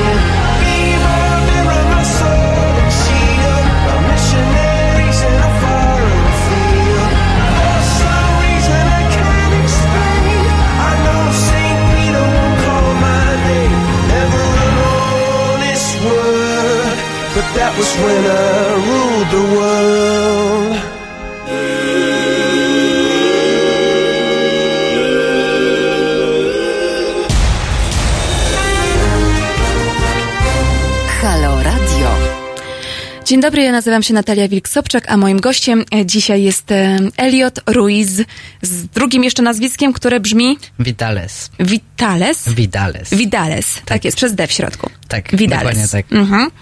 A to jest Vidales, czy takie coś między, takie by? Nie. Nie, to, nie jest, to nie jest e, to. To jest, to jest W, takie polskie To W, jest tak? w sumie V, To jest ale, V, ale wymawiane polskie W. Polskie tak, W. Vidales. Mhm. Mamy tutaj komentarze od Państwa. E, Piotr, e, znowu Piotr, Lak czy Łąk. E, dziękuję realizatorowi za Chopina. Mój piesek wróci teraz do domu. Ja także dziękuję realizatorowi za Chopina. A Chopin, tak, to był mój pomysł na ten początek właśnie naszej audycji o inności. Chopin, który jest taki typowo polski, oprócz tego, że francuski i światowy, e, jest e, tą esencją polskości, która spina wszystkich bez względu na to, jaka, jak inny jest człowiek od innych, jak różni są ludzie, to nie ma żadnego znaczenia, tak naprawdę. E, każdy pragnie być szczęśliwy, każdy pragnie kochać i być kochany. Bez względu na to, skąd pochodzi, jaki ma kolor skóry i tak dalej, i tak dalej. E, Michał M. napisał, ja się na Chopinie nie znam, ale podobało mi się. Des, ale jakie wykonanie, mistrzostwo. No to Ashkenazi był. Em, e, I mm, tutaj jeszcze ktoś napisał, że tak, wśród gejów poznałem trochę rasistów. Um, jeszcze coś. Tak, czy to nie są zbyt intymne pytania? Zadała pytanie Izabela Kabatek. Eliot, czy te pytania są intymne? Nie wiem, tak mi się wydaje, że jest jak na razie w porządku. Mhm. Ale też nie powiedziałbym, że mam jakiś duży problem, żeby odpowiadać na jakieś takie prywatne pytania. Mhm. Także Także spoko. w porządku. Dzięki. Um, Okej. Kiedy ujawniłeś swoją orientację seksualną? To zależy. E, Komu? To by, tak, dokładnie. Bo to był bardzo długi proces i to jest w sumie niekończący się proces. Bo odkąd zaczyna się robić coming outy, to robi się je tak naprawdę do końca życia. E, tak. E, Ale dlaczego? to może od początku. Dobra, spoko. E, pierwszy coming out zrobiłem do koleżanki z gimnazjum, e, do Zuzi. E, Mhm. Bardzo pozdrawiam. Pozdrawiamy Zuzię. I e, ona w sumie odpowiedziała mi coming- outem e, i mi powiedziała, że jest biseksualna. Także to było bardzo takie... Podświadomie wy, wybrałem bardzo dobrą osobę do właśnie powiedzenia. Mhm. E, e, później wołtowałem się swoim rodzicom, e, którzy w sumie najpierw powiedzieli, że jakby okej i super, e, kochamy cię. Jak ta, poczekaj, jak ta rozmowa wyglądała? Jak ta rozmowa wyglądała? Wchodzisz do pokoju i prosisz ich na rozmowę, usiądźmy, usiądźmy. Jak to wyglądało? Czy mógłbyś to tak opisać, żebyśmy sobie jakoś tak spróbowali wyobrazić, no nie? To znaczy, moja matka trochę to ze mnie wyciągnęła. Mhm. E, bo przez to, że tak myślę, byłem tak świeżo po takim coming outie do siebie, jeszcze tak e, przechodziłem przez taką początek drogi do takiej samoakceptacji siebie, e, bo jakby takie mm, uświadomienie sobie i pozwolenie sobie na jakąś tożsamość to jedno, ale jakby, żeby zaakceptować do końca siebie w tej tożsamości, to jest druga sprawa. E, I tak trochę się izolowałem wtedy i zdecydowanie tak zmieniło się. Mm, odbiło się to na moim samopoczuciu i też bałem się trochę przebywać w domu, bo właśnie moja rodzina taka była dosyć i jest homofobiczna. E, także byłem taki wycofany i moja matka się zapytała jakby mm, zaobserwowała, że jak, e, zmianę w, moim zachowaniu i zaczęła dopytywać, tak jakoś e, gdzieś ten temat po prostu wypłynął i ona tak trochę mnie zmusiła do tego, żebym powiedział e, jej właśnie. A do ojca to nie wiem, czy oni rozmawiali, czy, czy nie. E, ale właśnie e, podobnie było z ojcem, bo on też e, tak właśnie w trójkę wtedy rozmawialiśmy, to były święta. I tak właśnie Święta też, Bożego Narodzenia? Tak, święta Bożego Narodzenia. Trzy lata temu, E, tak, dokładnie tak. kiedy miałeś lat 16. Mhm. Aha, czyli mówisz, że twoja rodzina była e, rodziną homofobiczną. Jest rodziną homofobiczną. Aczkolwiek mój ojciec trochę się e, zmienia w kierunku takiej tolerancji, może nie akceptacji, ale takiej tolerancji. Mhm. A mama? Mama nie. Nawet tak e, czasem wręcz w drugą stronę, czasem mam wrażenie. Aha. I co, I co mówi wtedy mama? Y, Albo co powiedziała, jak zainicjowała tę rozmowę o twojej seksualności, tak? Ty jej mm, wyznałeś, że jesteś homoseksualny, czy potwierdziłeś jej przypuszczenia, jakieś podejrzenia, to co ona wtedy powiedziała? E, powiedziała, że mnie kocha i że jakby jest wszystko w porządku i tak e, generalnie w tych pierwszych momentach to był bardzo pozytywny taki odzew. Mhm. Ale tak nie wiem, mm, później po jakimś czasie to zupełnie się zmieniło i na przykład zaczęła mi przynosić jakieś takie e, Broszury, broszurki tak informacyjne, że e, to jest jakaś nieprawidłowość, że ona generalnie jest też dosyć taka wierząca i związana Mhm. z kościołem. E, na przykład przynosiła jakieś takie e, właśnie katolickie takie jakieś rzeczy e, typu jakieś uzdrowienie z homoseksualizmu, jakieś takie książki czy coś takiego. Mhm. E, Jak ty reagowałeś na to? Jak dostawałeś takie broszurki informacyjne? Tak, Było oby- mi przykro bardzo, że jakby ona nie umie się pogodzić z tym, kim jestem i jak, w jakiś sposób ja jej nie pasuję. E, Mówiłeś nie, jej o tym? Tak. I nie wiem, było mi ciężko.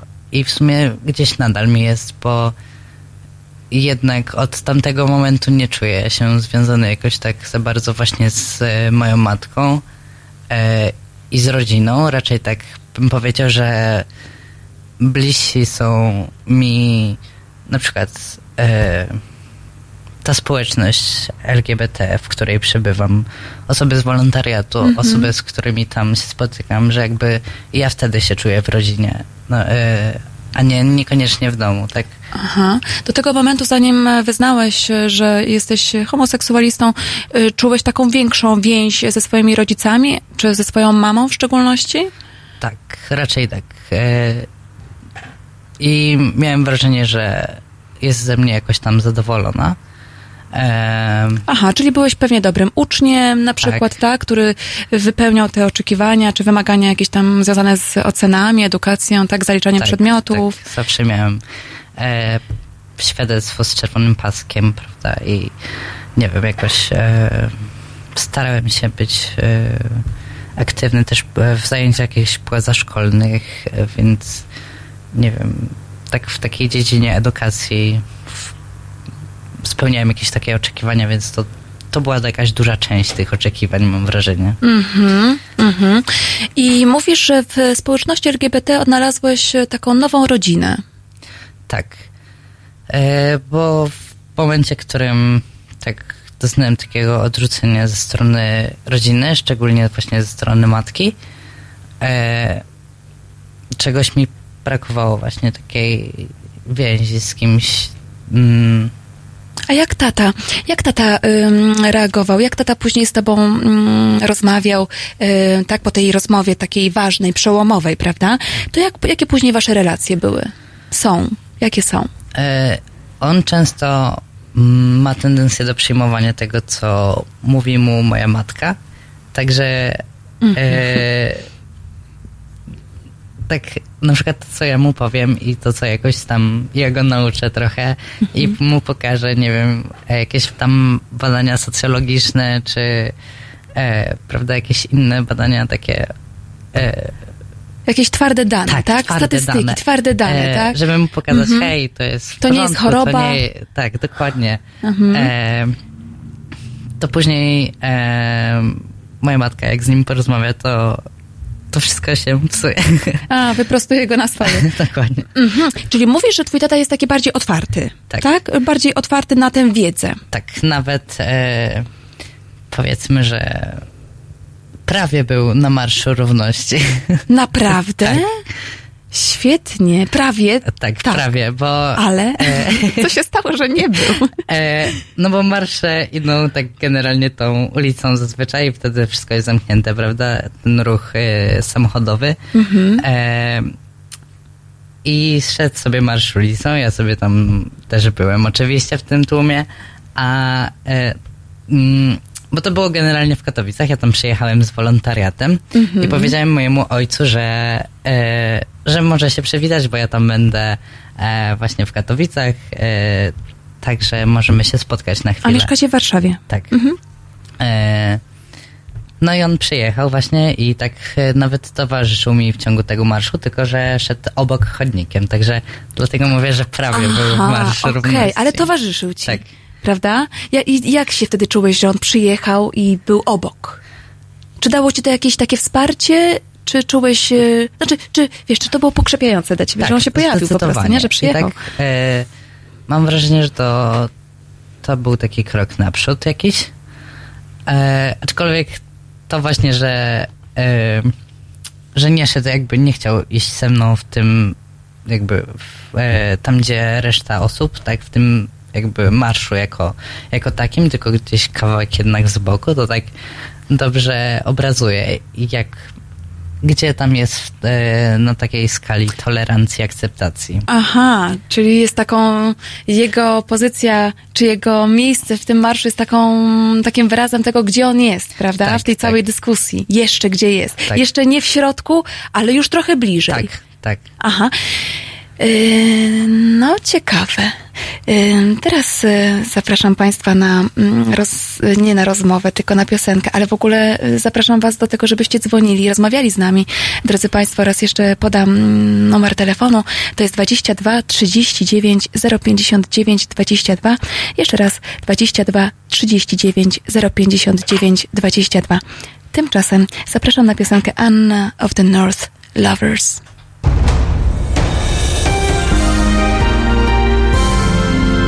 W sobotę Od 21 do 23 telefony od Państwa odbiera Wojtek Krzyżaniak. Rozmowa, dialog, zrozumienie i żadnej agresji.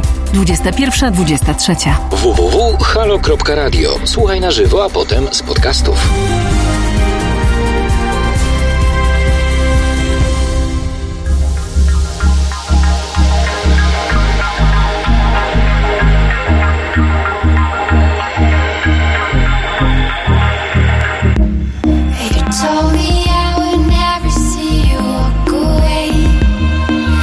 you never break my heart.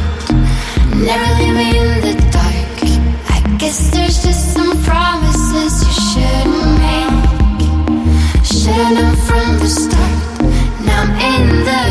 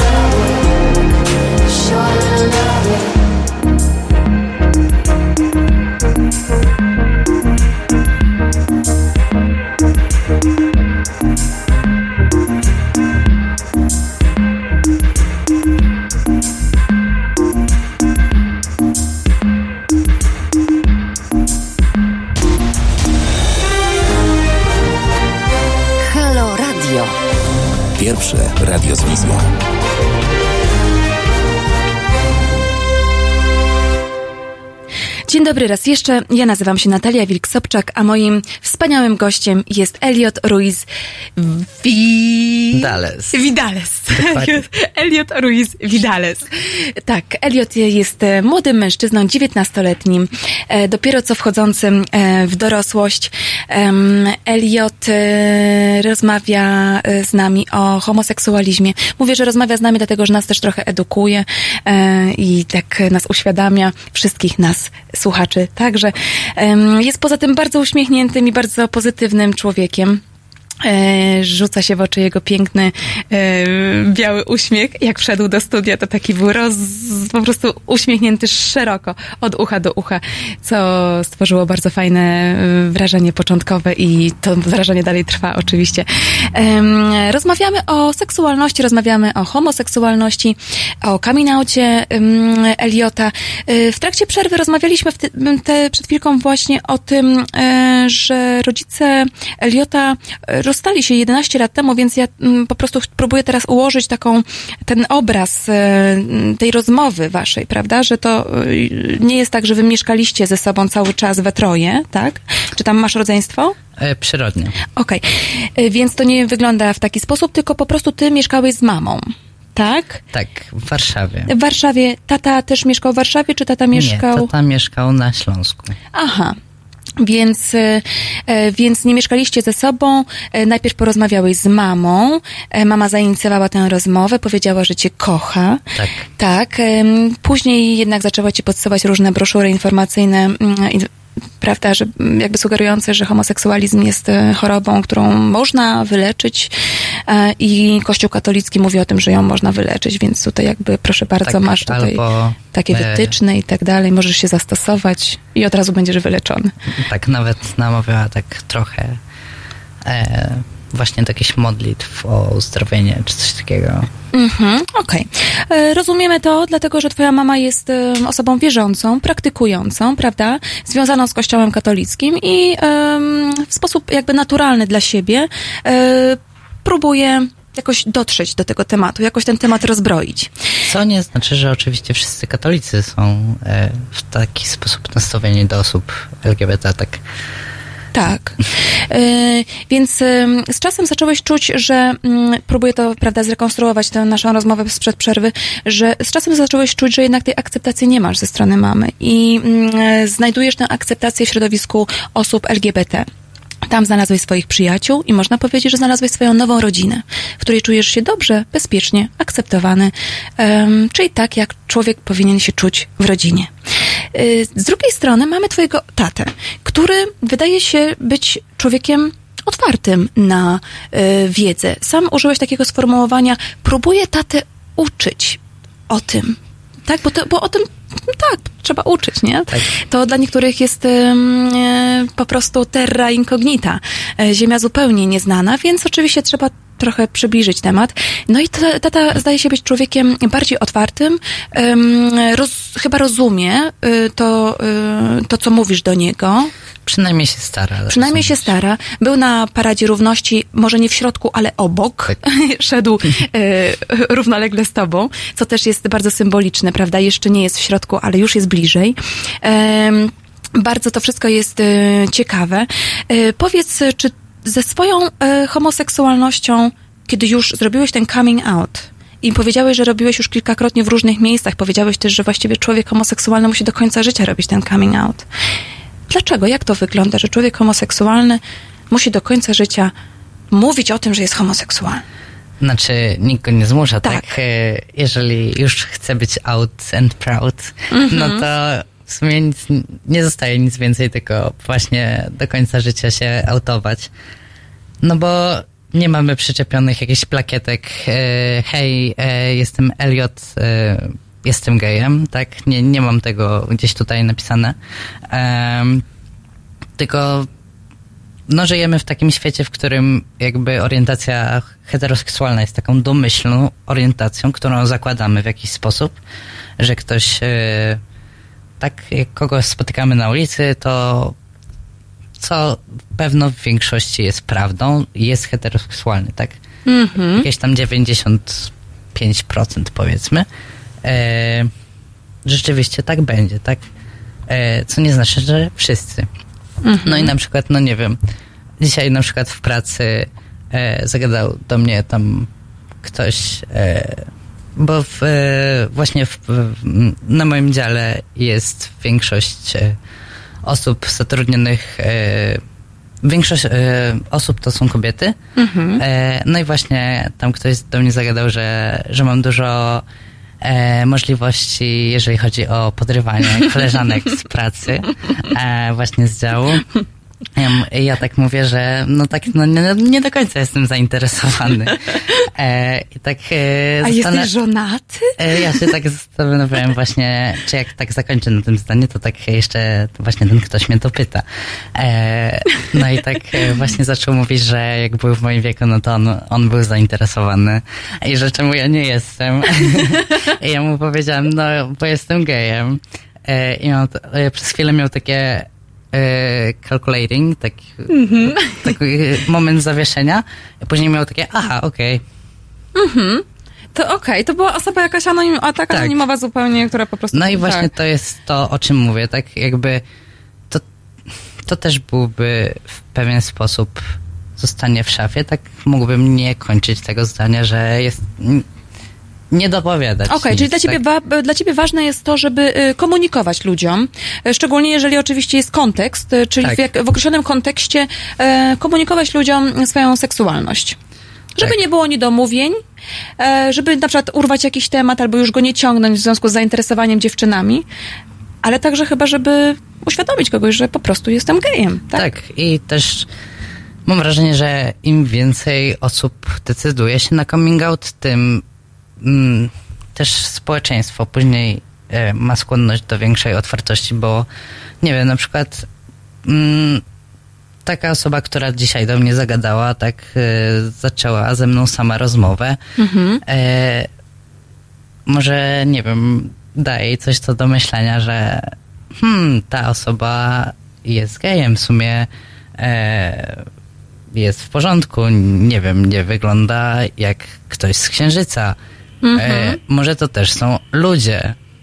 Mhm, tak, tak. Jak widać są, prawda? No chyba, że jesteś jakimś w przebraniu po prostu ludzkim. E, Kosmitą. Z, tak, kosmitą z innej planety. E, Z, w, w przypadku, e, w sytuacjach, e, w których em, komunikowałeś o swojej seksualności, e, zdarzały się sytuacje, zdarzały się jakieś przejawy nietolerancji, nienawiści, agresji skierowane w twoją stronę? Em, znaczy, mam tak e, też jakieś wyczucie, powiedzmy, i nie wiem, e, jak są jakieś, nie wiem, mm, załóżmy, e, Marsz Niepodległości, no to wiadomo, że nie, nie będę chodzić z... E, Jestem gejem. tak, dokładnie. Z tęczową flagą. Byłoby to ryzykowne. Nawet bym, powiem, mm, schował tęczową torbę. e, bo tak jednak e, dużo takich nacjonalistycznych osób bierze często e, udział w takich marszach. Mhm. Także ym, raczej staram się e, unikać. Unikać takich- takich konkretnych miejsc, które są po prostu ryzykowne. Tak. A jakieś spotkałeś się z jakimiś inwektywami na swój temat z powodu swojej orientacji seksualnej w szkole? E, w szkole nie. Generalnie mm, w mojej szkole większość osób była tak raczej w porządku, jeżeli o to chodzi. E, nawet jeżeli e, ktoś jakoś tam uważał e, na podstawie jakichś tam, nie wiem, swoich morałów, czy tam jakichś poglądów, że jakoś się z tym, nie wiem, jakoś mu to nie pasuje, tak uważa, że to nie jest jakoś super w porządku, no to jakby zach- zachowywał to tak bardziej e, ja jakby ja uważam, że to jest nie okej, ale jakby to twoje życie, rób sobie co chcesz, możesz sobie egzystować, jakby Okej. Y, Chodziłeś do liceum? tak, Y, W Warszawie tutaj, tak, tak? tak w Wilanowie. Mhm. Z, Tak, bo e, ja pytam się o to liceum, mm, dlatego że mm, ostatnio zostały zrobione te badania, wiesz, Stowarzyszenia Marsz Równości w Lublinie. Oni poprowadzili takie badania w lubelskich szkołach ponadpodstawowych. E, I mm, można powiedzieć, że w większości szkół mm, temat aż ten temat LGBT nie mm, znaczy czy- czy osoby z osoby LGBT plus nie spotykają się aż tak bardzo z agresją czy nienawiścią. W tym sensie, że mm, deklarowane, a deklarowane, a deklaracja, praktyka to trochę co innego, prawda? Natomiast, e, no dobrze, powiedzmy, że 86% osób, które zadeklarowało, e, że osoby LGBT powinny żyć tak, jak chcą. Fajnie, ale okazało się, że najmniej tolerancyjni w tej kwestii byli uczniowie technikum elektronicznego. 25% z nich uważało przeciwnie. I tutaj jeszcze kolejna mm, dana jest istotna. Z wypełnionych ankiet wynika też, że nastolatki uczące się w lubelskich szkołach w większości tak, akceptują przytulanie się lub trzymanie się za rękę przez osoby tej samej płci. Większość jednak nie toleruje pocałunków w publicznych miejscach. W technikum elektronicznym takie zachowania potępiło 75% ankietowanych. Na drugim miejscu pod względem niemiłych uwag z powodu orientacji seksualnej znalazło się em, 20 23 Liceum Ogólnokształcące oraz prywatne Liceum Ogólnokształcące imienia Królowej Jadwigi. Co czwarty uczeń zauważył, że osoby o innej orientacji są wykluczone z grupy rówieśników, doznają szykan ze strony kolegów i koleżanek i słyszą złośliwe uwagi. E, Ty jesteś wolontariuszem w kampanii przeciw homofobii, prawda? Tak, od niedawna. Od niedawna. Od czerwca. Jakie, jakie zadania e, stawiacie sobie, jakie cele sobie stawiacie jako organizacja działająca e, czy zwalczająca homofobię? Nie wiem, czy mogę się wypowiedzieć za całą organizację, bo jestem tylko wolontariuszem jednak. Mhm. Ale no na pewno właśnie edukację tak w takich tematach i dążenie do równości. To jest na pewno, prawda? Czyli w takim e, podstawowym e, obszarze, jakim jest prawo do szczęścia, Tak. prawda? Podstawowe prawo człowieka do, do szczęścia i do tego, żeby mógł robić e, i żyć tak, jak chce, trzymać kogo chce za rękę, Tak i nie bać się tego, że trzyma kogoś za rękę. Tak. Mhm. I po prostu, że może kochać kogo chce. To jest e, takie kluczowe, prawda? E, I temu ma służyć e, właśnie nasza rozmowa. Bardzo Ci dziękuję, Eliot, za tę rozmowę. Jesteś przemiłym człowiekiem. Dziękuję bardzo. Życzę Ci wszystkiego dobrego, powodzenia na Twojej drodze. Mm, Mam nadzieję, że będziesz spotykał jak najwięcej osób, które będą rozumiały Ciebie i będą Tobie życzliwe. I mam nadzieję, że w ogóle nasze społeczeństwo bardzo szybko już będzie na takim etapie, że będziemy siebie akceptować bez względu na to, jacy jesteśmy i jak e, różni jesteśmy. E, To jest moje marzenie.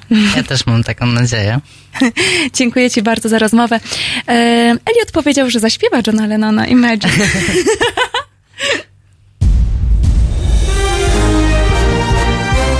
W poniedziałek Od 17 do 19 Karolina Rogaska, która lubi ludzi, dlatego opisuje ich historię i lubi z nimi rozmawiać. 17-19. www.halo.radio. Słuchaj na żywo, a potem z podcastów.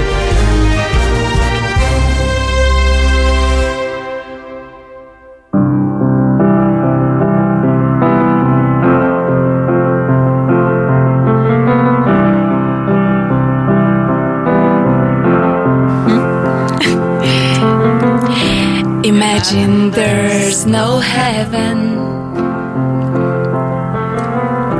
It's easy if you try. No hell below us. Above us, only sky. Imagine there were people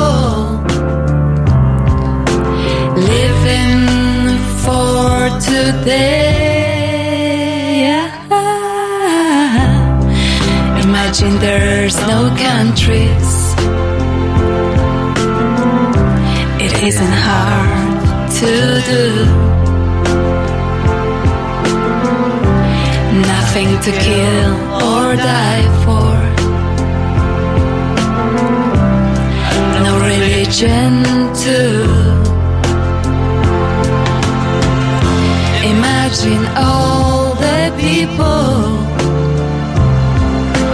living life in peace. You, you may say I'm a dreamer, but I'm not the only one. I hope someday you'll join us.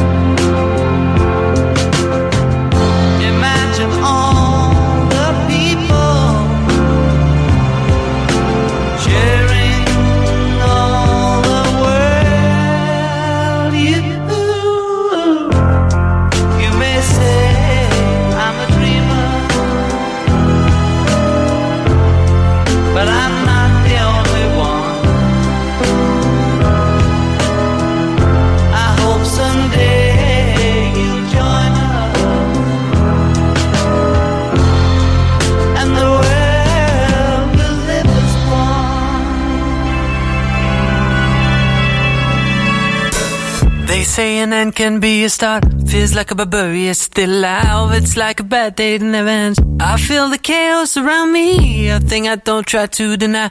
I better learn to accept that there are things in my life I can't control. They say love is nothing but a sore. I don't even know what love is. Too many tears I've had to fold. Don't you know I'm so tired of it all? No terror, these spells. Finding out the secret words won't tell. Whatever it is, it can be named. There's a part of my world that's fading away. You know I don't want to be clever, to be being or superior. True like ice, true like fire. Now I know that a breeze coming me away. Now I know there's much more dignity in defeat than a brother's victory. I'm losing my balance on the tightrope. Tell me please, tell me please, tell me please, tell me please. If I ever feel better,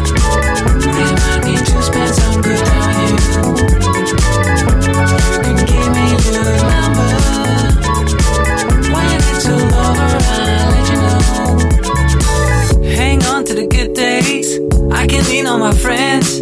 They help me going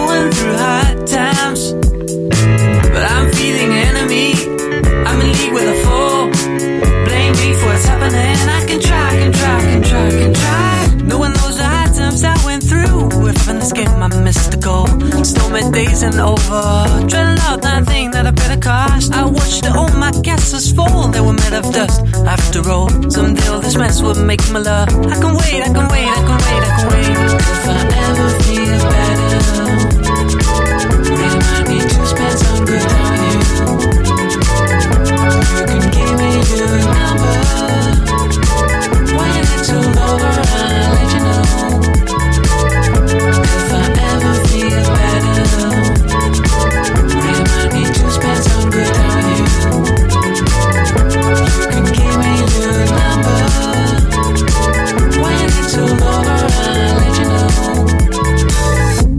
somebody took my place. I ain't even playing my own game. The rules have changed, well, I didn't know. There are things in my life I can't control. I feel the chaos around me, a thing I don't try to deny. I better learn to accept that. There's a part of my life that will go away. Dark is the night, cold lifts the ground, and the sickle is silent in my heart. There's one that strives a hell to come. I am sure I'll come through, I don't know how. They say a man can be a star, it feels like a you still out. I'm losing my battles on the side road. Tell me please, tell me please, tell me please, tell me please. If I ever feel better.